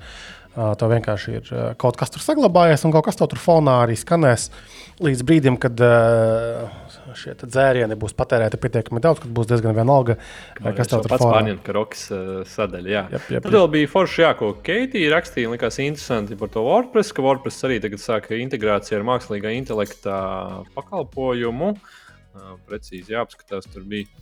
Uh, bija tas. Uh, Respektīvi, tajā jetpackā. Jetpacks, jā. jā, tas ir viņu tas, pakalpojumu kopums. Tagad vienkārši tev ir mākslīgā intelekta autoģenerēta teksti kaut kādā mērā. Bija ļoti loģisks komentārs lasītājiem, kādam no mūsu uh, priekš kam. Nu, kā, uz ko bija tikpat loģiski man atbildēt, nu, kad vieni boti raksta citiem botiem. Viss. Un pa vidu tu saņem nu, tas jau droši vien vairāk domāts tiem, kas kaut kādu veido, nezinu, bilžu saturu vai kaut ko, bet viņiem tad vajag uh, kaut kādu aprakstu. Bet mēs jau tieši koncentrējamies uz aprakstu. Mums droši vien vajadzētu kādu, kas bildes labāk apstrādā, ne tikai mārciņas, piemēram, auto, auto bildēm. Jā, nu tādā veidā. Un tā doma bija, ka tu ieraksti vienu teikumu un viņš tev uztaisīs saturu. Jā kaut kādā kvalitātē. Jā. Atpakaļ vēl pie Spotify. Latvijas nebūs, protams. Nu, startā nē, uh, normāli. Spotify atlaiž arī 200 podkāstu nodaļu darbiniekus. Viņam tur kaut kāda baigā reorganizācija notiek. Mm, tas Spotify mēģinājumi to podkāstu kategoriju paņemt savā paspārnē ir tādi, nu, neiet viņiem tik labi, uh, bet kopumā atkal. Nu, Redzot, teiksim, kur visvairāk klausās mūsu podkāstu, nu, Spotify tas arī ir. Tāpēc nevar teikt, ka, uh, ka Spotify neko nav paveicis. Es tomēr, lai vai kā man negribētos, tomēr jāatzīst, ka uh, Spotify ir palīdzējis podkāstus kā tādus aiznest līdz mainstreamam, jeb, jeb masām. Jo tev ir ierasta lietotne, kurā tu klausies mūziku visu laiku, katru dienu no rīta līdz vakaram, un vienkārši parādās tur kaut kāda podkāstu, kaut ko tur runājas. Uh, baigi interesanti. Ja, nezinu, Reitinājā vai, vai kursora podkāstu, vai vēl kaut kādi podkāsti, vai leks gal galā. Un tāpēc, jā, kaut ko viņi tur reorganizējas. Tur tās stāsts ir par to, ka viņi arī paši savus podkāstus mēģina taisīt, uh, un jā, kaut, ko viņi, kaut kā viņi mēģina. Uh, jā, viņi tagad būs Spotify studijos. Um, kurā viņi apvieno atliekas no tām nopirktajām pāris studijām, un viņi mēģinās uh, kaut kādus šovus taisīt. Nu, kas, nu, ko viņam citu darīt? Biznesa ir paliek biznesa. Es gan esmu nedaudz pārsteigts, ka viņam jāatlaiž darbinieki, jo man liekas, ka Spotify dominē podkāstu. Turbūt viņi pa daudz bija atkal sauguši pandēmijas. Tieši laikā. tā, tur viņi bija sapirkušies, viņi bija sapirkušies tās, tās kompānijas, un tur noteikti dublējas kaut kādas funkcijas un uh, nu, optimizācija. Vai kā bija tāds pēdējā laikā interesants uh, TikToks vai kaut kāds video, you've been promoted to uh, nu, bezdarbnieks. Jā. Un tur, Bet, tur, tas ir tieši paaugstinājums. Jā, paaugstinājums jā, uz, uz bezdarbnieka statusu. Jā. Jā. Mm -hmm. Tur bija daudz nu, optimizācija, tur restruktūrizācija, vēl tur, oh, you've been promoted. Tā kā noteikti pameklējiet šo video, beigās. Uh, tālāk, vēl, protams, mākslīgā intelekta aktualitātes. Uh, bija ziņa šodien, laikam, vai kad, kad tā tad uh, ChatGPT uh, iOS lietotnē Latvijā pieejama. Tu uzliki? Jā, es uzliku, es nemaz nebiju iedomājies, ka tas ir tik big deal. Bet jā, man ir. Okay. Viņa tāda, varbūt prasītos kaut kā vairāk, jo tur viņa vienkārši ļoti vienkārši ir. Tā balta lapa, nu, principā rakstos vaicājumus. Un viņai, es pareizi tā ir, bet viņai informācija tikai līdz 21. gadam ir. Šos mēs par jaunu iPhone neko nevaram pateikt. Tāpēc, ka tev ir GPT vai, vai, vai 3 vai 3,5, bet, ja tu maksāsi viņiem 20 dolārus vai eiro mēnesī, tad tu tiks līdz jaunākajiem, tad ir aktuāla informācija. Bet bija rakstīts, jā, ka viņiem ir tas trenēts modelis uz, uz Bet te ir hacks. Tātad, es nezinu, kurš, kurš man to norādīja, bet uh, atrodiet Opera developer tātad, versiju, kurā ir arī iebūvēts iekšā šis bots, kurš ir bu, bu, balstīts uz tā jaunā ChatGPT, uh, un tev nav jāmaksā neko. Un es izmantoju šādu un tad kaut kādām lietām. Atkal kādām lietām, piemēram, uh, mums bija tas uh, brauciens ar to elektroautorātu Nissan, un uh, kaut kas komentāros uh, Instagramā man prasīja vienkārši, kāpēc tu salīdzini šo mašīnu ar, ar, nezinu, ar, ar Hyundai Ioniq 5 un vēl tur kaut kādām, ar kurām es salīdzināju, tāpēc ka tās ir vienas kategorijas mašīnas, jo redz, Nissan esot tur mazāks vai lielāks.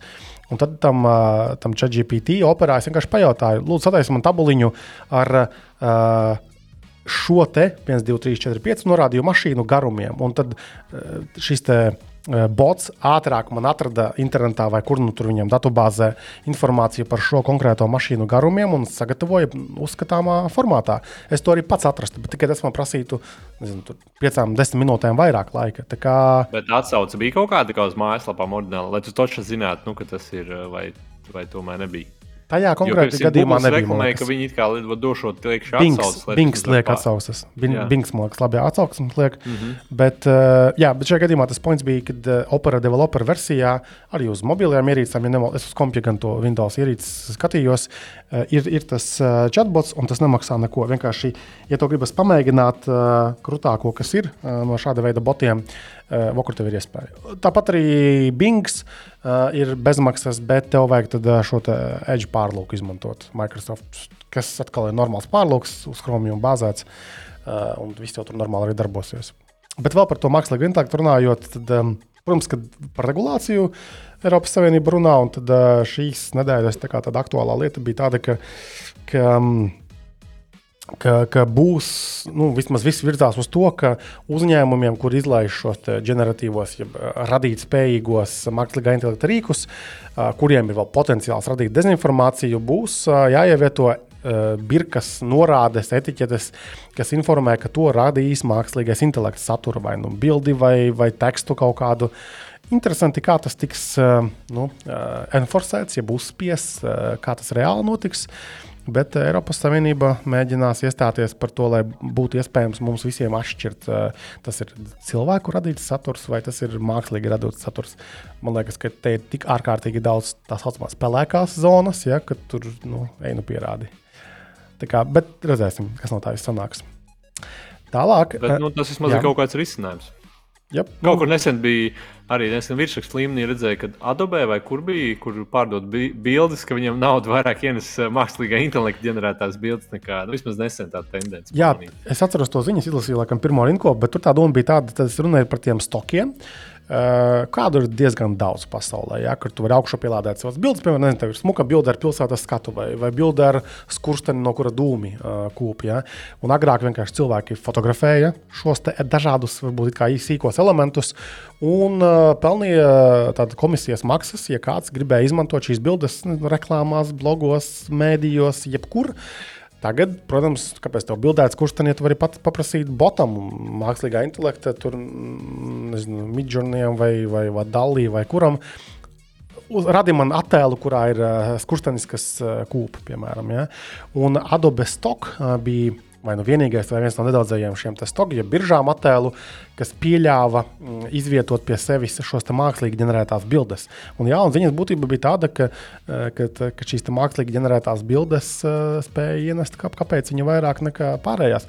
Šeit, gan man ir jāpiezīmē, nav jau viss arī nemaz tik vienkārši. Protams, ka uh, tātad, cilvēks bez pieredzes uh, ar šīm te tehnoloģijām spēs radīt kaut kādas bildes, bet redzot, cik cilvēki nopietni, piemēram, tam pašam midžurnijam pieiet. Šo promptu rakstīšana ir reāli māksla. Tā kā tev ir jāsaprot, ko prot šis te bots. Tev ir jāsaprot, ok, ja es viņam paprasīšu šitā, kas tur beigās sanāks. Tāpēc, nu, ja saliktu kopā tādus mūžus, nākotnes profesiju, vaicājumu rakstīšanu jā, par to ir mēmas jau internetā diezgan daudz, bet uh, es domāju, ka kaut kāda daļa patiesības tur ir. Arī, arī, arī šobrīd, teiksim, Google, uh, teiksim, labi, pareizi uzdots jautājums, jau principā ir liela daļa no atbildes. Nu, jo vairāk tu zināsi, ko tu gribi dabūt atpakaļ, jo precīzāk tu dabūsi atbildēt uz savu jautājumu. Nekas nemainās fundamentāli arī uh, darbā ar šiem botiem. Tev ir jāspēj aprakstīt, pajautāt tā, lai tev būtu labāka atbilde laukā. Tā kā Tas visdrīzāk būs um, nu, šīs pamatzināšanas, ja teiksim, bērniem tagad ir jāmāk nezinu, ieslēgt, es gribēju teikt, datoru, kādu datoru telefonu ieslēgt. Uh, tagad uh, gan jau būs bērniem jāprot pajautāt botiem pareizi kaut kādus jautājumus. Būs skolā jauns priekšmets, jautājums. Uh, jā, botu pārvaldība, bot, botmācība. Jā, bot. DPD Latvija investē 100, uh, 100 1 miljonu eiro uh, paku skāpju tīkla paplašināšanā. Nu, DPD, protams, ir uh, labi zināms kurjeru uh, dienas, kam ir savi pakomāti. Es teiktu, ka nav tie ērtākie, jo man teiksim, ir pretenzija, ka viņiem ir mm, neiedzīgi tie displeji, kas saulē atspīd tā, ka neko neredz, un, un, un neiedzīga tā lietotāja saskarne. Un tas ir mans subjektīvais novērojums pie mana rimčika, kur ir viens, divi, trīs četri pakomāti ir vienā veikalā. Man, un Omnivā jā, ir, ir vienkāršāk. Tiesa, Omnivā, kā mēs intervijā noskaidrojām pirms daudzām, daudzām epizodēm, virzās uz to, ka nebūs displeju nākotnes pakomātos, ka būs vai nu lietotne vai kaut, kāds, kaut kas vēl vienkāršāks. Bet par uh, DPD tā tad jā, viens miljons eiro. Līdz gada rudenim plānots uzstādīt piecus jaunus paku skāpjus, tādējādi līdz uh, uh, viņiem būs pārsniegs 300 kopā vairāk nekā 100 dažādās apdzīvotās vietās Latvijā. Tad 300 pakomāti DPD, vairāk nekā 100 dažādās apdzīvotās vietās Latvijā. Nu, un tad šie jaunie pakomāti tiks uzstādīti jaunās vietās, tostarp Tīrainai, Ilūkstē, Jaunpiebalgā, Pāvilostē, Zaubē, Kalnciemā. Un arī pilsētās, salas pilsētā, Piņķimāra, Paprēļā, Aizgāja. Es brīnos, īstenībā, man liekas, diezgan liela investīcija, ka viņiem Nu, to ir jau pagājuši pēc pandēmijas, ka vispār ir aktuāli. Es domāju, kāds, jau, kāds nākamais solis būs pakomātiem, lai tas bizīts. Es vispār brīnos, ka mums ir četri vai pieci. Pat pieci, man Latvijas pats ir pieci, pieci konkurenti, tāpat visu laiku viņi attīstās. Kad nu, kādam nu, ir nu, nu, bet... vienkārši ātrāk sūta un cilvēki vairāk pērk, un viņi spēj to kvantumu apstrādāt vienkārši pa vairākiem. Nu, līdz ar to neviens nezaudē un visi vinnē. Es, es kaut kā pēdējā laikā par to aizdomājos, kur ir tā robeža. Tas ir labs jautājums. Mums būtu jābūt pie rokas datiem, lai mēs varētu teiksim, analizēt šo lietu. Bet, ja mēs raugāmies tīri no tāda gala lietotāja viedokļa, vai tu vispār gribi kaut ko pasūtīt ar, ar kurjeru, kas tev būs zvanījis, hei, vai tu esi Henrijs mājās? Hell no! Nē, tāpēc, ka viņiem jau ir interesanti. Tas pats DPD atsūta stundu iepriekš. Protams, ja tu esi oficiāls un tev jāatšķir uz mājām, jāskrien. Nu, tas ir. Es viņam parasti saku, atstāju pakomātā. Jā, un šitie arī var atstāt. Uh, savukārt, uh, UPS. Latvijas pastā ir jāmaksā, piemēram. Un, un tad ir tādi, kas uh, tad, tas, kurš izvadā, ne, ne, nestrādā ar pakomātiem, un tad vienkārši viņš atliekas uz, uz nākamo dienu, atved atpakaļ uz to šķirošanas punktu, un tad iešķiro nākamajam, un tad viņš atved uz pakomātu. Vai arī man vispār gadījās, tad uh, es pastā kastītē savā manuālajā saņemu Latvijas pasta lapiņu, kas izskatās vizuāli pēc parastās lapiņas, ar kuru tu nopūties, ah, jāiet būs uz pastu. Nu, labi, vakar saņēmu šo lapiņu, no šodien aizvalkos uz, uz pastu un iedodu to lapiņu, sagaidīju savu kārtu, un tur ir piri. Un šī te pasta darbiniece skumji nopūšas un rāda ar pirkstu man uz, uz logo lapiņas augšā kreisajā malā. Nu, es skatos, nu, pasts, jā, pasts. Viņa saka, ekspress pasts. Es tāds, ok, jā, labi, ko man ar to jāiet? Nē. Un tad viņa rāda vēl uz maziem burtiņiem, rakstīts, ka, tātad, ka šis ir Lat Latvijas tā, pasta ekspresa sūtījums, un jums ir jāzvanot uz šo te maziņiem burtiņiem rakstīto numuriņu. Uz lapas, kas izskatās pilnīgi tāpat vizuāli, pa gabalu, kā parastā lapa, kur tavs pasta kasti jāiet. Uh, nu, labi, dusmīgs, pļaudīdamies eju laukā no tās pasta nodaļas, zvanu uz to numuru. Nu, tur 5, 5, 30, 5, 20. Ding, ding, ārpus darba laika. Ejiet, jūs dirzt, bļājās, kas tas ir? Kāds kurjeru pas, kas, kuru teiksim, nedarbojas līdz sešiem kaut minimums, kad cilvēkiem darba laiks beidzas. Kas tā ir par kvalitāti, ar kuru galu jūs domājat? Apstākļos, kad mums ir omnibus, kad mums ir visi šie, kas no Amazon atvedīs tev pa divām pusdienām, pa deviņiem eiro, un, un, un tev būs tā manta klāt. Nu, tā nekonkurē. Nu, redz, ka konkurē, bet Latvijas pasta ir Latvijas pasta. Tad neko nedabūji. Nu, es nedabūju, man, ja es atcerēšos, ah, blēņas, rīt ir sestdiena. Tātad nu, pirmdien jā. man būs jā, jāmēģina atcerēties, ka man ir kaut, kā, kaut, kaut kāds sūtījums. Un kas ir interesanti, to lapiņu iemeta, ja tas kurjers būtu vismaz uzvanījis, hei, esmu tāds un šitāds kurjers, jā, nu, man ir sūtījums, nu, ja tas ir ekspress. Kur te ir ekspress visā šajā stāstā, ja man tas vēl kas jau par vairākām dienām? Ot, kur ir ekspress no šī Latvijas? Nu, kad tev jāzvan. Kad tu eksp ekspresīvi zvani, esi es, emocionāls. Es viņiem ekspresīvi to tās visu pateikšu pirmdien. Jā, tas ir atcerēties. Sūti ar pastu, bet labi. Bet tur ir kaut kas ar 4,8 kg. Tas nozīmē, ka tas nav kaut kāds nezinu, žurnāls vai kaut kāds reklāmas sūtījums. Tas ir kaut kas sulīgs, bet kas? Kaut kas, kaut kas pamatīgs, jā. Tāpēc būs jānoskaidro. Bet esmu dusmīgs. Reāli man nepatīk šāda pieredze. Protams, ka pašam man ir jāspēj izlasīt uz lapiņas, kas izskatās tāpat kā parasta lapa. Nu, kas tas ir? Tālāk. Tesla modeli ir. Problēma reāli. Jā, mana problēma. Nu, jā, tā ir mana problēma. Tātad Tesla modeli Y šā gada pirmajā ceturksnī bija pasaulē pārdotākā automašīna. Šāda tipa virsraksti ir vis kaut kur redzēti, un tas ir tāds, man liekas, arī tāds matemātikas lingo. Ja, jo kurā reģionā, kas tur kurā ceturksnī, bet viss iet uz to, ka uh, Tesla Model 3, Model Y ir ārkārtīgi populāras mašīnas. Gan starp uh, kopumā, kā tagad mēs noskaidrojam, gan atsevišķās valstīs, gan starp jaunajām mašīnām. Tās ir vienkārši ārkārtīgi populāras mašīnas. Un, lai, mē, lai vai kā mēs spļaudītos par Elmusko noteiktām aktivitātēm, nu, viņš ir uzbūvējis kompāniju, Eh, kas vienkārši ieliek kloķi visiem pārējiem ražotājiem. Labā ziņa gan ir tāda, manuprāt, ka tie pārējie ražotāji, tur visas pasaules Volkswagen un kas tik vēl nē, nu sāk pievilkties. Tomēr ir tavi produkti un nav viņi nemaz tik slikti. Ir salīdzināmi kaut kādos aspektos, šur tur varbūt kaut kādā mērā labāki, nepieejamāki vēl, ar to vēl pieklibo. Bet, bet ir izteikts līderis Teslas. Kā... Tagad, man liekas, Amerikā ir lielākas problēmas, jo Fords, ja nemaldos, viņi pāries uz uh, Teslas to lādētāju standartu Amerikā. Nu, Eiropā bija šī vienkāršāk, to arī, to arī minēja citi apskatnieki, ka ir tas CCS standarts, bet viņiem tur ir interesantāks cīņas. Jā, tas pat bija slikts pārsteigums, jo ir tie, kas aizstāv to, nu, to, to CCS arī Amerikā. Bet redz, ka Tesla ir tas, un ja Fords pievienojas, tad īsti, nu, tas mazliet Tesla sāk pārvilināt savā pusē uz to savu standartu. Tā tur tāda interesanta, kā tā nozara aizies. Jo nu, tomēr uzlādes standarts loģiski ir svarīga lieta. Jo, ja mums būtu 50 standarti, diez vai tas strādātu visos uzlādes tīklos. Bet es, es esmu pārsteigts par šo ziņu, bet es saprotu, ka tas tiešām ir visos, visos tirgos nu, no jaunajām mašīnām. Es pats pārsteigts nedaudz. Bet, no, nu, tā, nu, lai tā būtu. Tā, tā, tāda tā matemātika jo... viņiem ir sanākusi. Mm -hmm. okay. Labi, kas mums vēl tāds bija uh, interesants? To ar savu kuldīgu iemest. Ah, jā, par kuldīgu. Jurģis, Jurģa pārziņā. Bet bija tāda ziņa, jā, relīze atsūtīta, ka kuldīgas novadā ceļu tīrīšanu un kaisīšanu uzraudzīts mākslīgais intelekts. Tātad ir kaut kāda uh, sistēma uzbūvēta. Uh, būvētāji mums ir SZZ dats. Uh, kas ir valsts uh, iepirkumos, labi zināmi brekši. Es domāju, ka tu viņus esi redzējis kaut kādos uh, profesionālā darbībā savā. Jā.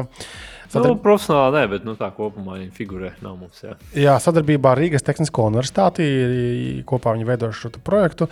Bet tā būtība ir, nu, es nezinu, cik daudz tā mākslīgā intelekta, bet principā tas stāsts ir par to, ka ir Mm, automatizētā veidā tiks iegūti uh, dati no dažādām ierīcēm, tātad ceļu kamerām, sabiedriskā transporta iebūvētajām šīm arī dashcamiem, jeb, jeb kamerām, tad vēl kaut kādiem sensoriem, un tad, acīm redzot, automātiski tiks pieņemts lēmumi, kad uh, šajā posmā izskatās, ka kaut kas nav riktīgi, vajadzētu aizsūtīt kaut kādu uh, tur, tur ceļu tīrīšanas teiksim, uh, tehniku. Uh, ļoti interesanti būs pavērot eh, vai Jurģim pajautāt, cik ļoti uzlabosies ceļu apkalpošanas kvalitāte ziemā.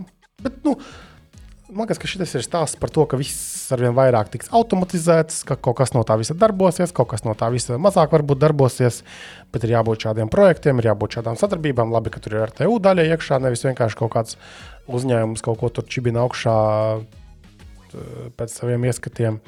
Būs interesanti pavērot pēc pirmās sezonas, kādas ir atziņas. Bet tas ir jājautā tiešām cilvēkiem, kas tur dzīvo. Es uz Jurģi skatos. Jo, protams, ka kompānija. Jā, viņš noklausās šo epizodi, kur mēs stundu runājam par Apple, lai mausu sasiņo, un tad viņš varēs šo. Noslaucīs asinis, un tad, ah, jā. Jā, beidzot par kuldīgu. Jo, jo diez vai kompānija sūtīs relīziju, kad uh, kaut kas tur nebūs darbojies. Viņi teiks, jo viss tur baigi labi, tur iztērējām 53 tonnas sāls visi priecīgi, visi izdzīvojuši. Un, un tā. Bet tā, tā, tā, tāda tā ziņa bija mums šajā nedēļā.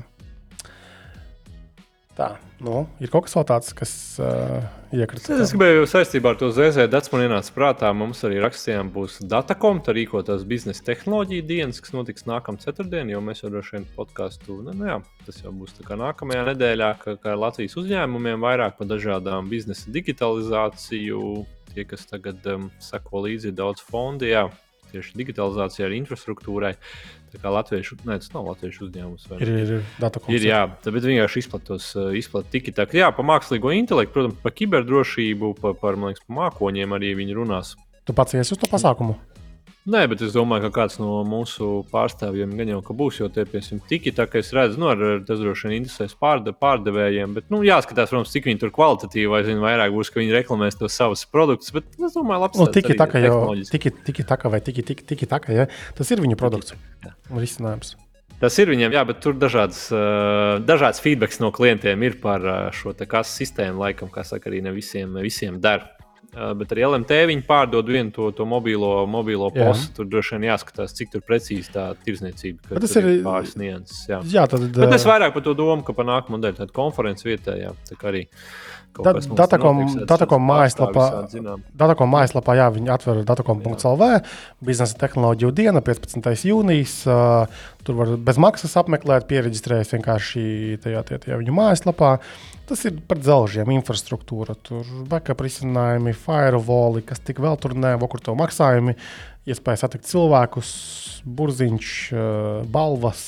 Viss, viss tur notiek. Mēs arī Stāra FM rādījā par to runājām. Tur bija arī mārketinga dāma. Uh, no viņiem.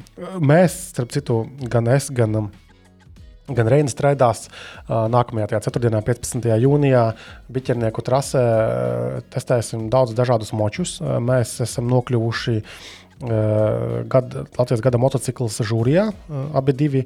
Es kā, zvan, zvanīja man uh, Melderis un, un, un, un, un teica, hei, vai pie, piesakies. Es tā kā tāds baigs zaļš, tas motobraucējs. Baigi pretojos, bet tad es. Tu pa visiem jūsmos?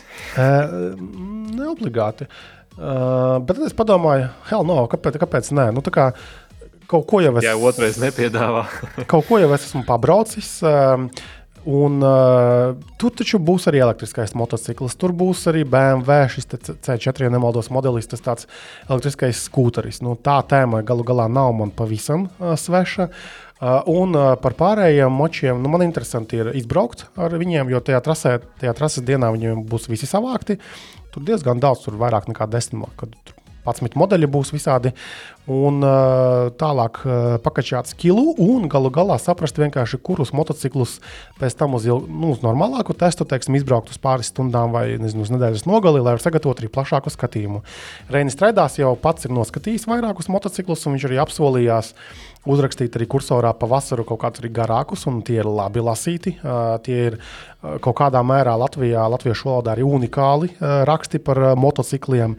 Latvijā nav nemaz tik daudz vispār arī no, nopietno žurnālistu, kādi mēs neesam, mēs esam blogeri tikai, tātad, kas rakstītu par motocikliem. Tāpēc kopumā, protams, ka var vīpsnāt par, par, par mūsu iesaisti šādā pasākumā, bet no otras puses, nu, tādi cilvēki kā es arī pērk motociklus. Nu, ne, ne visi Uh, uz... Parasti, jā, tieši tā, nu, cilvēki, un, un, un, un arī, arī kaut kā mēs izvēlamies tos motociklus un, un, un izbraucam pēc iespējas, un kaut kas patīk, kaut kas nepatīk. Un, uh, vismaz tās varbūt tos pirmos iespējas jau arī varu padalīties. Jā, tur nezinu, šitais, piemēram, ručkās vibrē, varbūt pārāk daudz nebūs baigi ērti, vai, vai tam ir kaut kāds augsts smaguma centrs, nezinu, kā tenerē, piemēram. Ja, tu, ja tu gāzīsies, nu, tad tu nogāzīsies. Jā. Nu, ir daudz dažādas nianses, kuras var saprast tikai braucot, un okrums arī iespēja ir, un mēs centīsimies to godam izmantot un uh, komentēt, un uh, varbūt patestēt arī vairāk. Vajag tos elektromocīšus, ja tu teici, jums tur būs jep, jep, jep, jep, jep, jep, tāds vēl. Tas, tas, tas būs. Nautiņos tāda lieta. Jā, tā kā tas, tas nākamā nedēļa būs interesanti. Un es domāju, arī, uh, arī, arī nākamajā podkāstu epizodē mēs vēl, vēl, vēl. Es domāju, ka jūnijā mēs kaut cik regulāri vēl uh, to lietu darīsim. Uh, tad arī varēsim pastāstīt par kaut kādiem pirmajiem iespējām un tā tālāk un tā joprojām. Ok, pusotra stunda uh, apaļojamies. Yes, sir. Yes. Okay, labi, tad um, paldies uh, visiem klausītājiem, kas, uh, kas klausījās arī šajā uh, siltajā, jaukajā vasaras brīdī šo epizodi. Paldies Henrijam par dalību. Novēlam atvesaļošanos mūsu uh, sasirgušajam cīņu biedram Ansim. Būs labi kaut kādā brīdī. Un gaidām atpakaļ arī Jurģiju Mārus arī uh, kādā no nākamajām epizodēm. Tā kā paldies pagaidām. Tā, tā, tā.